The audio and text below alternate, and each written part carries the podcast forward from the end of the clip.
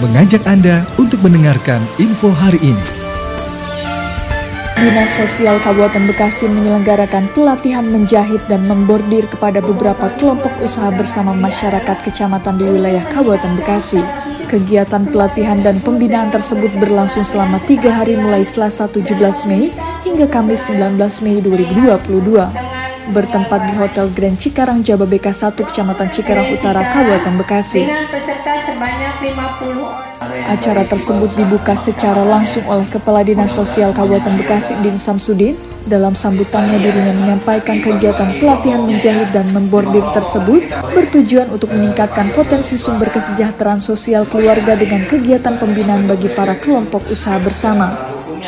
Dirinya menambahkan, Terselenggaranya kegiatan tersebut diharapkan bisa membawa dampak positif bagi para peserta pelatihan agar bisa lebih meningkatkan keahliannya dalam berkarya dan berwirausaha untuk meningkatkan pendapatan keluarga. Demikian saya berharap bahwa kegiatan yang penuh semangat ini mudah-mudahan diberkahi oleh Allah Subhanahu wa taala dan tujuan kami sebetulnya di sini bukan semata-mata hanya memberikan mesin jahit tetapi yang biasa dilakukan oleh para teman-teman kami dari pendamping PKH adalah merubah mindset.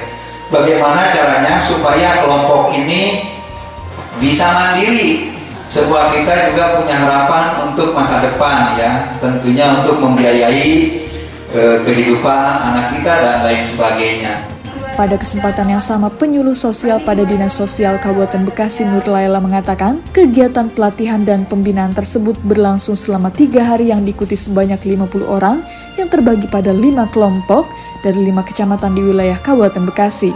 Selain mengikuti pelatihan tersebut, nantinya para kelompok usaha bersama akan mendapatkan satu buah mesin jahit sebagai upaya agar lebih meningkatkan keahliannya pada bidang tersebut dari dinas sosial mudah-mudahan ada ke berkesinambungan ya dengan dinas-dinas terkait. Nanti saya juga coba berkoordinasi dengan dinas terkait yaitu UMKM eh, yang mana kita berharap kami berharap eh, masyarakat yang notabene-nya mereka adalah penerima manfaat atau eh, penerima manfaat dari bantuan dari pusat eh, bisa ber, bergradasi ya Mas ya bisa merubah be, merubah uh, hidupnya bahwa dari biasanya menerima siapa tahu dia bisa memberikan uh, sesuatu bisa mandiri bisa hidup lebih baik dengan kondisi yang saat ini memang mereka masih mendapatkan bantuan dari pemerintah.